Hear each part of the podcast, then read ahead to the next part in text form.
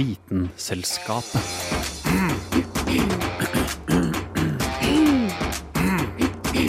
Vitenselskapet.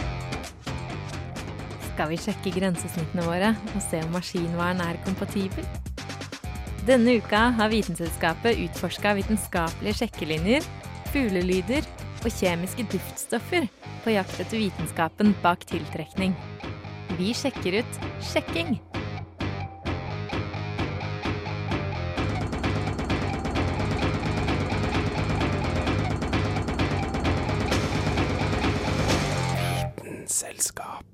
Vitenselskapets medlemmer kan sjelden holde seg unna vitenskapen. Selv ikke på kjærlighetsfronten. Eller skal jeg kanskje si på sjekkefronten? De singlere medlemmene av redaksjonen har nemlig vært pådrivere for en sending helt dedikert til vitenskapen bak sjekking. For hvorfor synes vi egentlig at et annet menneske er attraktivt? Hvordan fungerer sjekkeappene? Og funker i det hele tatt vitenskapelige one-liners? Mitt navn er Hanne Grydeland. Du hører på Vitenselskapet. Å vite vet Vitenselskapet.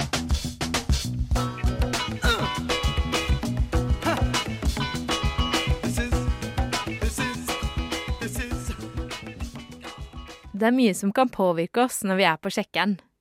Men er det faktisk sånn at vi lar oss påvirke av usynlige feromoner i lufta? De fleste har vel hørt om feromoner, disse kjemiske signalstoffene som utskilles av diverse kjertler på dyr og mennesker. Som regel blir de forbundet med sex og paring, men det er ikke det eneste feromoner brukes til. Det finnes nemlig mange ulike typer av feromoner, men alle har det til felles at de påvirker de som oppfatter dem. Alarmferomoner brukes f.eks. til å advare andre dyr av samme art om en fare som truer. Hvis en fiende nærmer seg maurtuen, kan maurene utskille alarmferomoner som raskt oppfattes av resten av tuen, slik at alle samler seg for å forsvare hjemmet og dronningen. Maur er blant dyrene som bruker feromoner til mye. De har nemlig også det som kalles sporferomoner. Det betyr at hvis en maur finner en god matkilde, markerer de stien mellom tuen og maten, slik at andre maur kan finne fram. Feromonene er veldig flyktige, så hver maur som går forbi, må markere opp stien på nytt, helt fram til det er tomt for mat. Feromonene brukes også til å holde hierarkiet i tuen på plass. Larvene og puppene skiller ut et feromon som gjør at de kvinnelige maurene blir sterile. Dermed blir de arbeidere, mens dronninga får herske uutfordra. Men det er ikke bare insekter som bruker feromoner. Hunder og katter f.eks. markerer gjerne området sitt med territorialferomoner som finnes i tisset. Og vi mennesker utskiller også feromoner, men eh, det er først og fremst seksuelle feromoner. Det er også en litt omstridt ting. For eh, selv om det er tydelig at feromoner påvirker dyr på forskjellige måter, er forskere uenige om hvordan det påvirker oss mennesker, eller om de i det hele tatt gjør det. At vi utskiller feromoner, er kjent. Vi har feromoner i svette, da spesielt i armhulene, og i skrittet. Det er flere forsøk som går på at mennesker får lukte på feromoner fra andre mennesker, og så ser man om dette påvirker dem.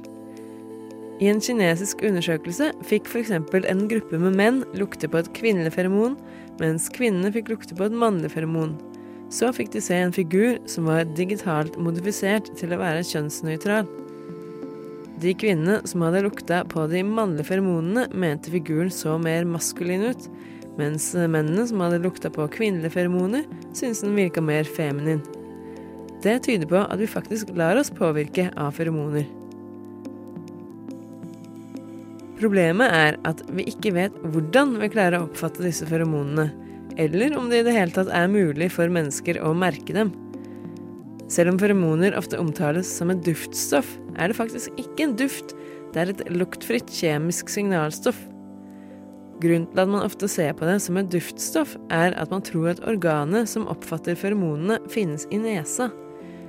Der har vi nemlig det som kalles det vomeronasale organ, eller i teorien, da, For eh, de har riktignok funnet det vomeronasale organet, men eh, det virker som at det rett og slett ikke er noen nerveceller som knytter organet til hjernen.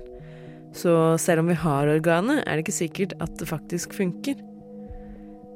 En god del undersøkelser viser at vi blir påvirka, men eh, det er minst like mange undersøkelser som viser liten eller ingen effekt. Så er feromoner mest for dyra, eller fungerer det for oss også? Vel, derom strides de lærde, men eh, det skal sies at det er ting som tyder på at vi påvirker hverandre mer enn vi tror. En eh, ting som ofte trekkes fram, er nemlig kvinner og mensen. Hvis eh, kvinner tilbringer mye tid sammen, begynner nemlig mensen å synkroniseres. Et fenomen som man kanskje ikke forbinder med sexy feromoner, men som tydeligvis er et av de klareste tegnene på at feromoner påvirker oss.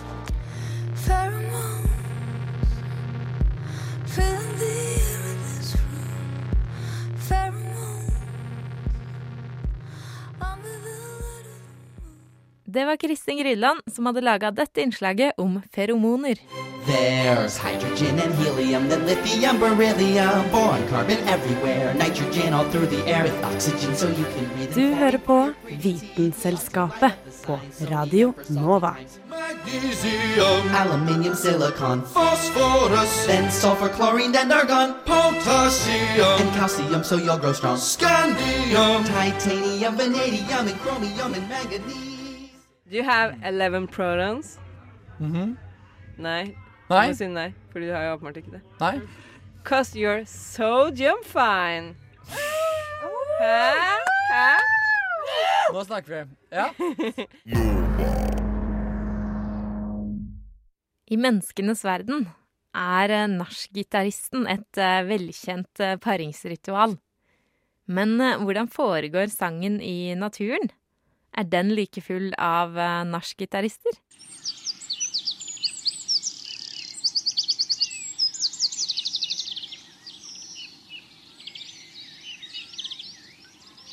Kjenner du at det kribla litt nå? Fuglesang er ikke bare pent å høre på. Fine toner og høyt volum brukes av våre fjørkledde venner for å tiltrekke seg en partner. Ikke fullt så uskyldig som det en skulle tro. Den rådende ideen er altså at fuglesang brukes for å tiltrekke seg en partner i det evige våpenkappløpet som er den seksuelle seleksjonen. Pga. det biologiske maksimet 'sæd er billig, egg er dyrt', er det mannen som må ha gamet sitt on point og synge en vakker trall. Derfor er de mest intrikate fuglesangene her å finne. 71% av sangfugler har imidlertid sang hos begge kjønn, så det er ikke så enkelt som at fuglesang bare er seksuelt men det er definitivt en del av det. Ikke bare kvaliteten på fuglesangen er viktig. Hvor mange sanger som er innøvd, har òg en effekt for hvor attraktiv en hann er. Sangfugler har en egen del av hjernen som styrer plystringa deres. Denne delen av hjernen viser seg å være ganske viktig hos store sangfugler.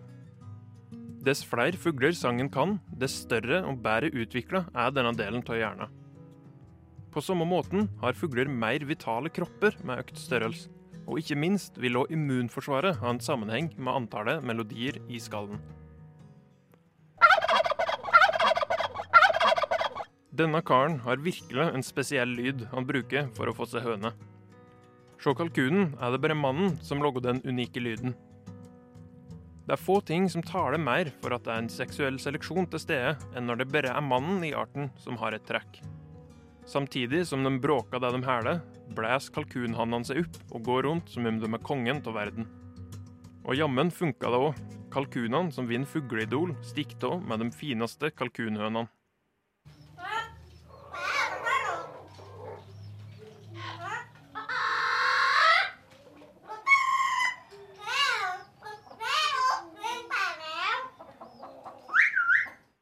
Papegøyer er noe for seg sjøl.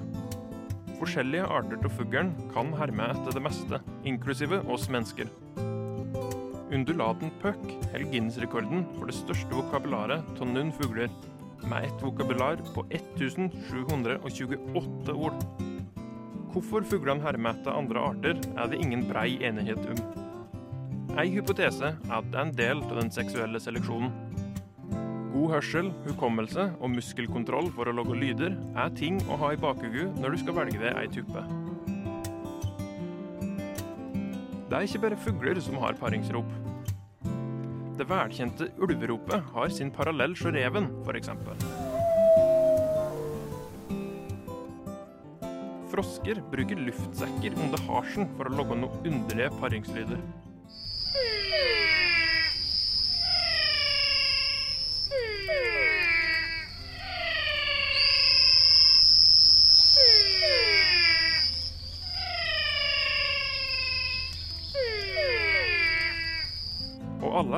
Den diskré, fine bakgrunnslyden av sirisser. Det blir ikke helt det samme når en tenker over at disse driver og sier Hey babe, you DTF.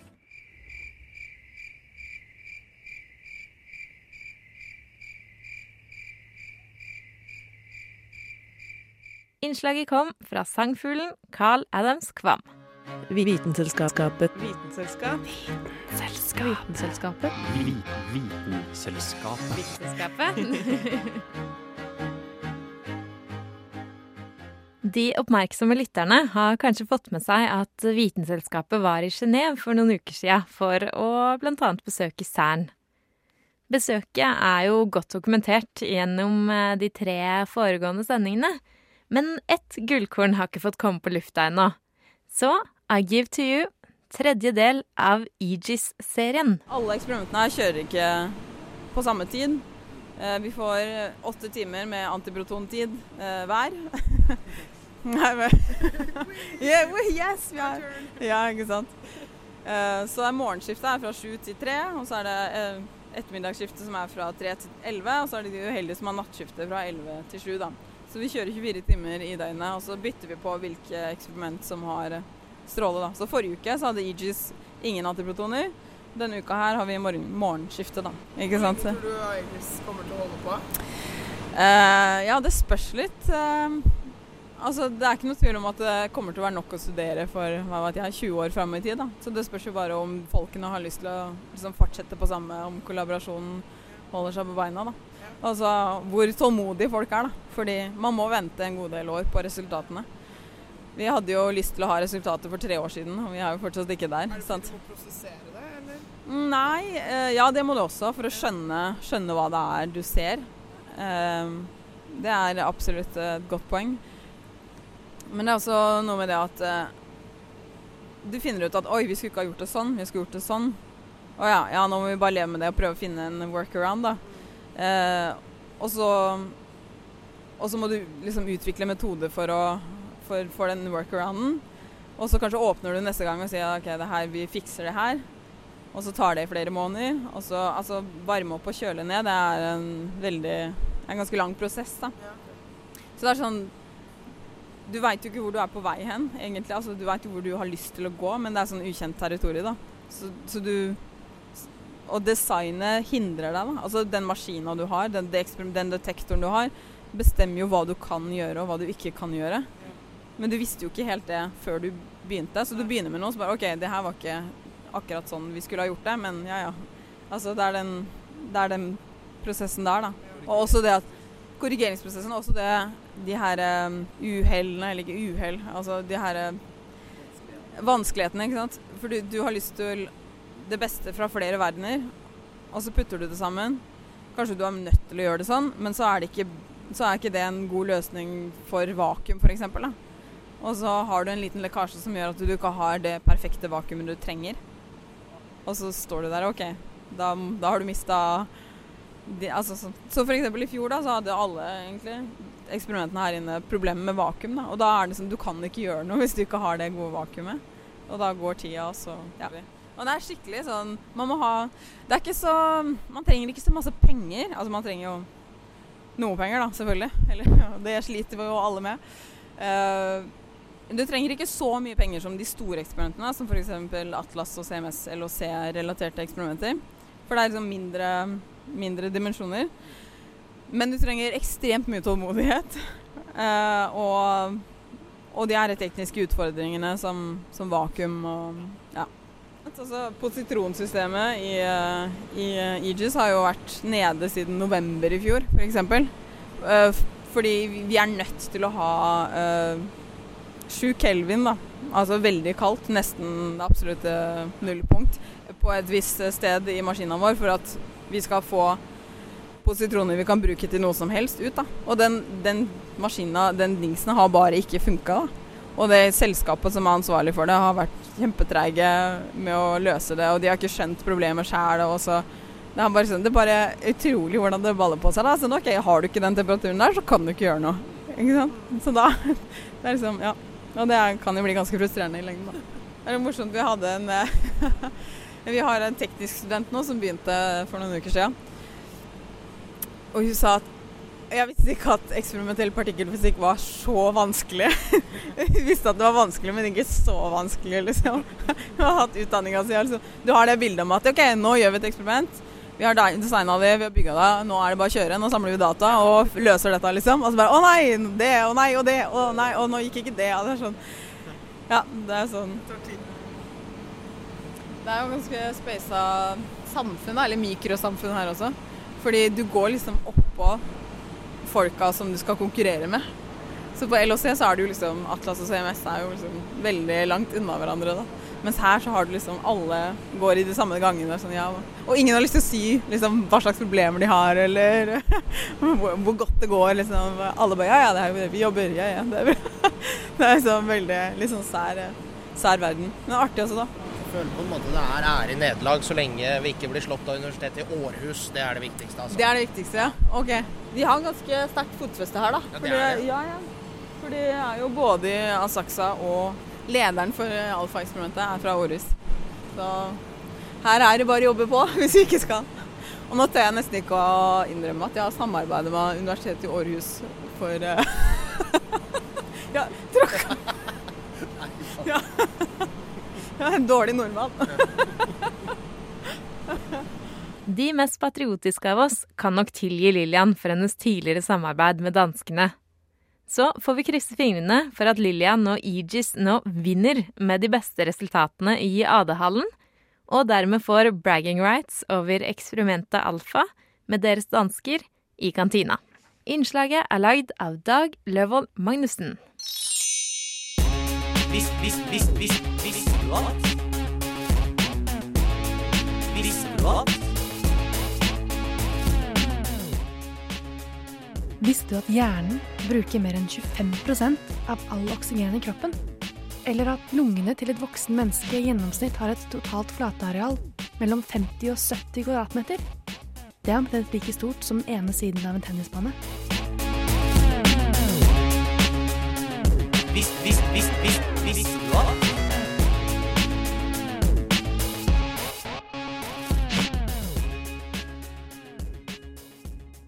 Du tror kanskje du vet hva du vil ha hos din utvalgte?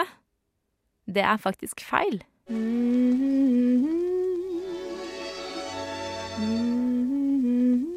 du laga av eh, nikkel, serium, arsenik og sulfur? Er du laga av det? Ja. Fordi at du har ei nice ass. So this Mange sier de vet hva du vil ha hos sin utvalgte, men dette styres faktisk veldig mye av underbevisstheten. Psykiateren Carl Gustav Jung, en kollega av Sigmund Freud, har funnet ut at underbevisstheten vår faktisk tar 90 av valgene våre, så dette må jo ha noe å si for eh, hvem vi velger for våre eh, utvalgte. Nummer én, tenk utseende. Hvite tenner.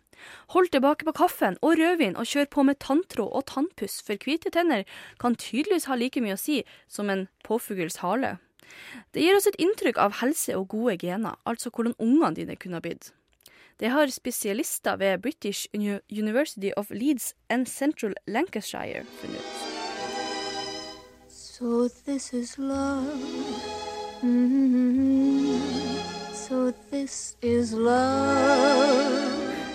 Et smil hos damer kommer godt med, og vi damer burde smile mer hvis vi vil tiltrekke oss noen, tydeligvis. Mens menn som ser glad ut, slår ikke like godt an, spesielt ikke hos kvinner. De som har et eh, mystisk blikk og et eh, såkalt eh, vektig ansiktsuttrykk, blir ansett som mer attraktiv.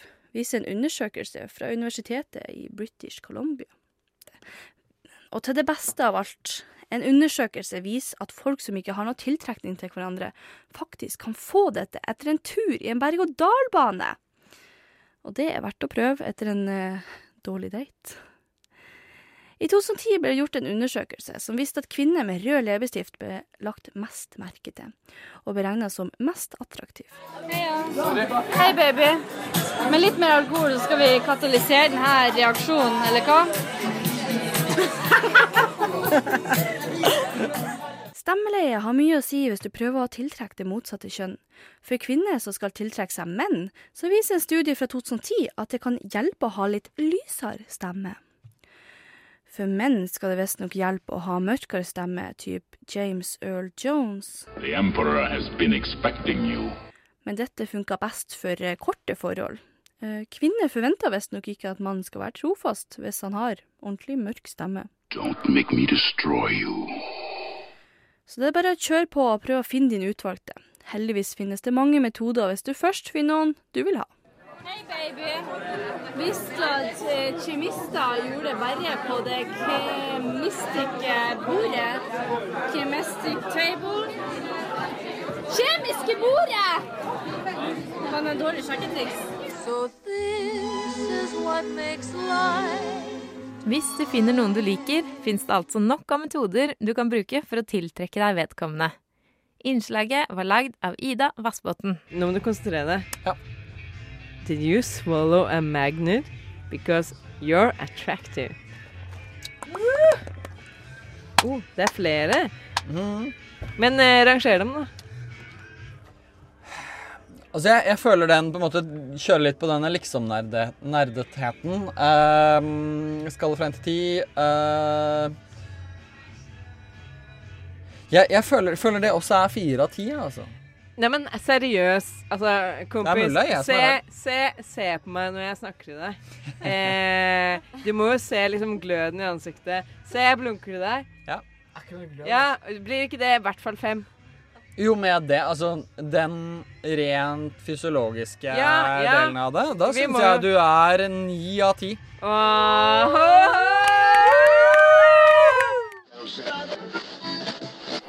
Oslo 2 igjen, Oslo 2. Dette er Vitenselskapet. Radio November, Oskar, Viktor, Alfa.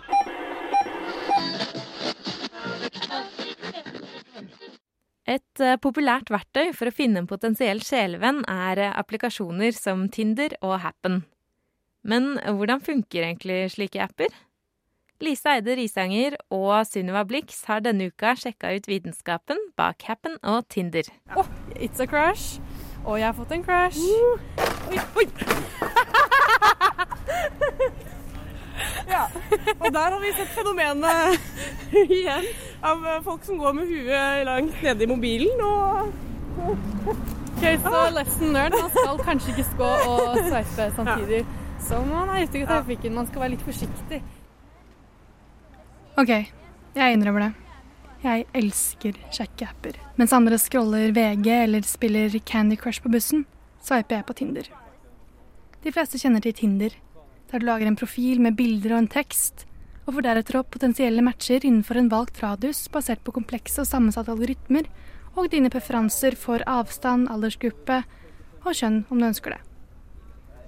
Hvorvidt Tinder er den beste plattformen for å finne den store kjærligheten, er kanskje diskuterbart. Men appen er uten tvil den mest brukte sjekkeappen blant unge i Norge. En annen app som har skapt mye blest det siste året, er Happen. Happen og Tinder er basert på samme prinsipper, og layouten til appen er også svært like. Mens du på Tinder kan superlike, fungerer Charm på Happen på samme måte. Oi, nei, å, hva gjorde jeg nå? Holdt du på superlike? Ja, nå ble jeg superlike. Jeg tror jeg gjorde det. Så, ja. Så kjekk ut da, i hvert fall. De bruker begge GPS-lokalisering som utgangspunkt, men Happen har tatt akkurat dette med hvor du er i verden ett skritt lengre. Så er lokaliseringen mye mer nøyaktig, og på profilene til de potensielle matchene kan du se hvor nærme personen er, helt nede i under 250 meter. Og du kan også se nøyaktig når, hvor og hvor mange ganger det var dere har gått forbi hverandre. Jeg og Lise er blitt ganske rutinerte tindrere. Vi var derfor litt nysgjerrige på Happen, og bestemte oss for å ta en liten tur ut i Oslos gater for å se hvor mange potensielle matcher vi ville gå forbi. Ok, da lukker jeg eh, Pokémon Go. Det er første gang siden eh, sommerferien en gang, tror jeg. Og jeg gjør det altså til fordel for Happen. bare sånn for å se om det er noe aktivitet der. Så tok jeg rett og slett og bare kjørte gjennom og trykket like på nesten alt. Skal vi prøve det? Skal vi prøve å bare like alle? Ok, lik. Det her er vel litt sånn lik. taktikk som mange kjører på Tinder, vet jeg. Ja, ja, men jeg tror egentlig kanskje noe av problemet er at her har du litt betenkningstid. Mens på Tinder så må du bestemme deg eh, med en gang. Det er sant, det er et godt poeng. Jeg gjorde en kjempefeil en gang. Da fant jeg Jonas fra Skam på Tinder. Han er jo yngre enn meg, da. Det må sies. Så det var veldig rart egentlig at han var på over 18-Tinderen. Ja, ja. Greit for meg, jeg skal ikke klage. Men øhm, der øh, Der gjorde jeg den store, store feilen med å superlike. Og ing- å, han er jo sikkert drittlei av å bli superlika av alle. Så jeg får bare øhm, beundre avstand. Mm, Ja, det det gjøre. han er litt for ung. Active a few months ago. Og da må den jo oppdateres i bakgrunnen hele tiden, da, selv om du ikke bruker den på måneder. Ja, det er virker jo sånn at hvis du bare har glemt den bort i en eller annen mappe på telefonen din, så bare den kjører og går. Sender ut uh, Og tar mye cross paths uh, ja. Sender ut uh, sånne matcher og greier. Selv om du egentlig ikke holder på. Um, active today! Jeg fant det som active today. Å ja, yes! Første, tror jeg. For det er vel litt ut, denne appen her, er den ikke det? det er vel, Jeg tror det. Jeg vil jo si at den har blitt ganske utkonkurrert av Tinder. Eh, Ja. Det er jo nyere enn Tinder, men likevel. Ja, Eh, Den slo aldri helt an i Norge, tror jeg. Nei, det var en hype. Det forsvinner litt av poenget med appen. Altså, er ikke greia at du skal sveipe med en gang du går forbi noen. Ja, for dette er Eller min Pokémon. da. Dette er det. Oi, jeg crush! Jeg crush! Det her føler jeg litt er problem også. Det er så mange som har bare gruppebilder. Ja, det er vel sånn Hvem er du egentlig? Ja. Eh, Så man sitte og stirre kjempelenge for å prøve å finne ut Etter å ha forhørt meg om hva andre tenker om appen, så virker konsensus å være at appen er litt ut. Hvilket både jeg og Lise fant veldig forståelig. Vi syns hele opplegget virket litt for creepy. Det er jo skikkelig grobunn for, eh, for stalkervirksomhet, tenker jeg. da. Fordi Mm. Hvis du finner den du liker skikkelig godt, da, så kan du bare finne ut ok, hvor er det vi møttes flere, sett flere ganger. Da kan, ikke så vanskelig å finne ut hvor folk bor da. Men så tenker jeg også hvis jeg ser noe som er sånn crossed uh, paths, eller hva ja, at vi har liksom gått forbi hverandre eh, typ eh, 20 ganger, da tenker jeg sånn Da blinker Dette- varsellampene. Da, ja. da går vi ut av den. Ja, skal vi se. Han skal bort. Men jeg får jo altså ingen matcher. Nei, Altså, skal jeg ta et eh, hint nå, liksom? Ja, fordi jeg lurer på fordi Altså, jeg krysser jo, jeg krysser jo vei med Ikke for å skryte, da, men på Tinder så får jeg jo matcher hele tiden. Men her Ja. kanskje jeg ikke trykker på Dette her er jo altså det er motsatt av Tinder. da. Her, er måte, her dras selvtilliten din ned i, i grusen og trampes på. kan Det er for kanskje konkludere med at det er ikke eh, det er ikke oss, det er appen. Det er fordi folk bruker ikke Nei, ut. Så derfor så, Ja, det er derfor vi ikke får matcher. Altså, det, er Det er ikke vi som er noen- problemet, det er våre, det er ikke noe med våre profiler i det hele tatt. Eh, eller oss som mennesker. Nei. Ja, skal vi prøve å gå på Tinder i stedet? da? Så dette her og Se om vi finner kjærligheten der. Ja. Vitenselskapet. Vitenselskapet på Radio Nova.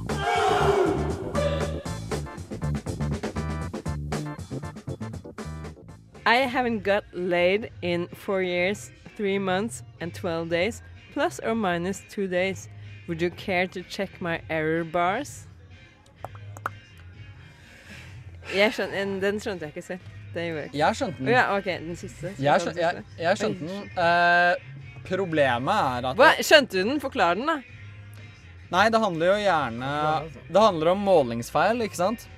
Uh, og at ehm, det, er en, det er en uvisshet. Ja, det og at du er ønsker å gjøre en måling Det er veldig eh, sexy. Jeg skjønner det er veldig sexy. Vitenselskapet.